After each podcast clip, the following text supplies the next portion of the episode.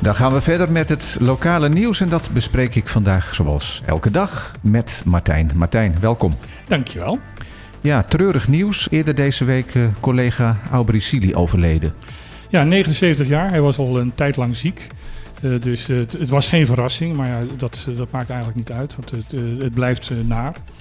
Uh, Siri was een uh, zeer gezien uh, persoon hier op het eiland. Ehm, onder andere FIFA-scheidsrechter en lid van de Antilliaans Voetbalunie.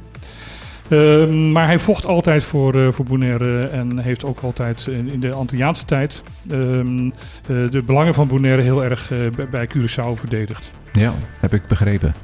Werd hem niet altijd in dank afgenomen op Curaçao? Nee, daar waren ze niet zo blij mee met mensen die een beetje mondig waren.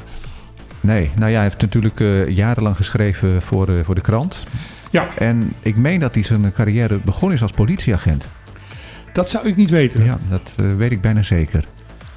Maar hij heeft, ja, hij heeft het politieke spel geleerd van de vader van Jopie Abraham. Zo, zo, zo lang geleden al. Dus, dus, een democraat, maar hij was zelf actief uh, binnen de UPB. Hij was zelf bij de UPB, maar ja, dat zie je vaak hier op het eiland. Van dat familiebanden en, en vriendschapbanden over de partijen heen gaan. Ja, dat is waar. Um, ja, hij wordt uh, vrijdag begraven. Hij wordt vrijdag begraven. Er is, uit, er is mogelijkheid tot afscheid nemen op vrijdagmiddag van 1 tot, tot 5. Ja. 1 tot 3, sorry. Dan iets heel anders. De postbezorging op de BES-eilanden. Er is een onderzoekje gedaan. Ja, ze voldoen niet aan alle eisen, maar dat ligt ook niet helemaal aan hen zelf. Nee, er is geconstateerd wel door de commissie dat uh, FXDC uh, niet optimaal functioneert. Dat zou beter kunnen. Maar ze hebben ook geconstateerd van dat uh, de post postbezorging binnen de eilanden zelf, en zeker op het eiland zelf, uh, eigenlijk best wel uh, redelijk gaat. Dat zit binnen de wettelijke termijn met eventueel een uitloop van één dag vertraging. Ja. Maar eigenlijk alles wat vanuit de, de, binnen de, of tussen de eilanden wordt al wat lastiger.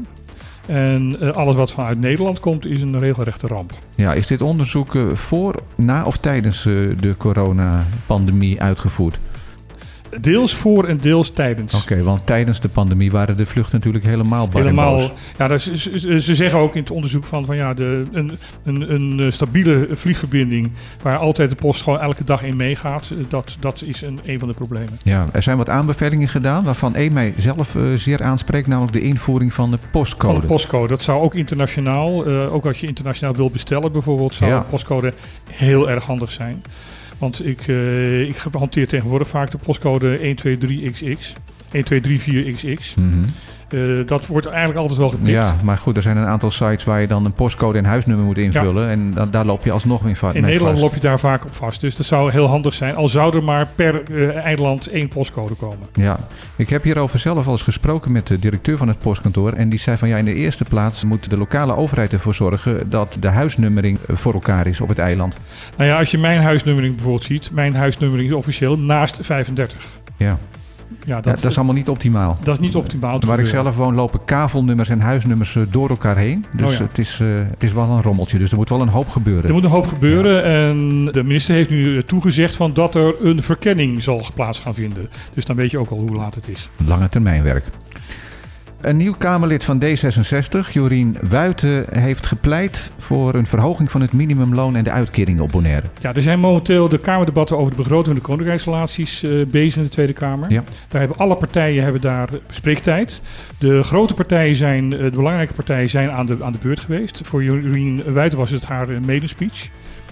Die heeft ze erg goed gedaan. De, ik heb hem gelezen, het is een erg goede speech in feite wat zij zegt is: um, jongens, uh, hou nou eens op met, met het gezeur. En zorg in ieder geval dat er iets aan die armoede gedaan wordt. En dat er iets aan, een, aan de uitkeringen en het minimumloon gedaan wordt. En heel verrassend, eigenlijk alle grote partijen zijn het daar dus mee eens. Het ziet eruit dat er een meerderheid te vinden is uh, dat, uh, dat van de, in de Kamer dat de uitkeringen en het minimumloon verhoogd moet worden. En op korte termijn, hè? want ze zei dat we kunnen niet wachten op een nieuw kabinet. Nee, en daar zijn alle regeringspartijen en ook de partijen die waarschijnlijk binnenkort dus weer de nieuwe regering voor gaan vormen, zijn het daarover eens. Nou, dat is dan weer eens positief. Maar laten we niet al te optimistisch zijn. Een uh, bewindsman of vrouw mag een uh, motie uit de Kamer gewoon naast zich neerleggen. Ja, dat gebeurt de laatste tijd steeds vaker, steeds heb ik vaker. het idee. Ja. Ja. kwalijke zaak. Kwalijke zaak. Maar eigenlijk voor het eerst sinds 10-10-10 komt er een soort, een soort brede Kamermeerderheid in zicht over het oplossen van de, van de armoede. Ja. Bonaire krijgt op twee plekken een burgerservice center.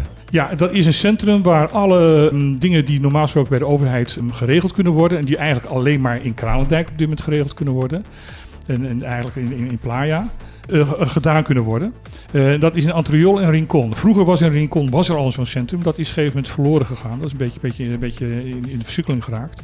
En op voorspraak van de PDB is uh, eigenlijk uh, ja, unaniem een motie aangenomen dat, dat dit weer uh, terug gaat komen. En dat er dus in, op twee plekken dus nu een centrum gaat komen waar je alle overheidsactiviteiten en, en dingen die je moet aanvragen kan doen.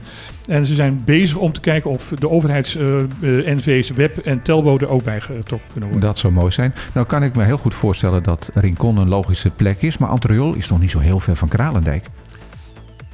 Maar misschien voor sommige mensen net te ver dan? Ja, ik zit je aan te kijken en ik denk bij mezelf... Ja, ik, Ja. Ik, ik, kan, ik kan het niet ontkennen. Ik, ik ben het eigenlijk wel met je eens. Maar goed, daar is uh, ongetwijfeld over nagedacht.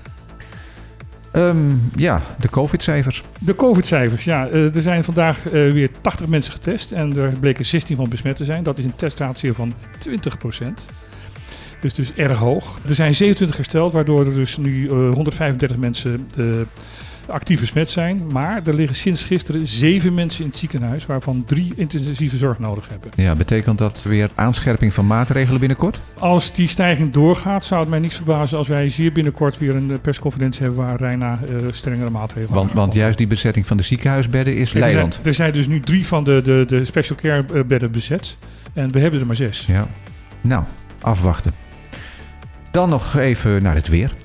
Ja, er is uh, dagen gezegd dat er buien zouden gevallen en uh, dat dat niet gebeurde eigenlijk, of nauwelijks gebeurde. Uh, vandaag stond er eigenlijk nou, meer van, nou ja, er is een hele kleine kans op buien, maar als je nu naar buiten kijkt, denk je van, oh, er zitten wel een paar wolkjes nou, tussen. inderdaad, het zag er dreigend uit. Die er, waar wat regen uit kan vallen, dus dat is erg grappig. De temperatuur gaat vanmiddag oplopen tot 33 graden, dat is erg warm. En de wind zal niet boven de 30 km per uur uitkomen. Morgen zal de temperatuur ook nog steeds 32 graden zijn. En zal de wind nog zwakker zijn en niet boven de 20 km uit gaan komen. Martijn, bedankt en tot morgen. Tot morgen.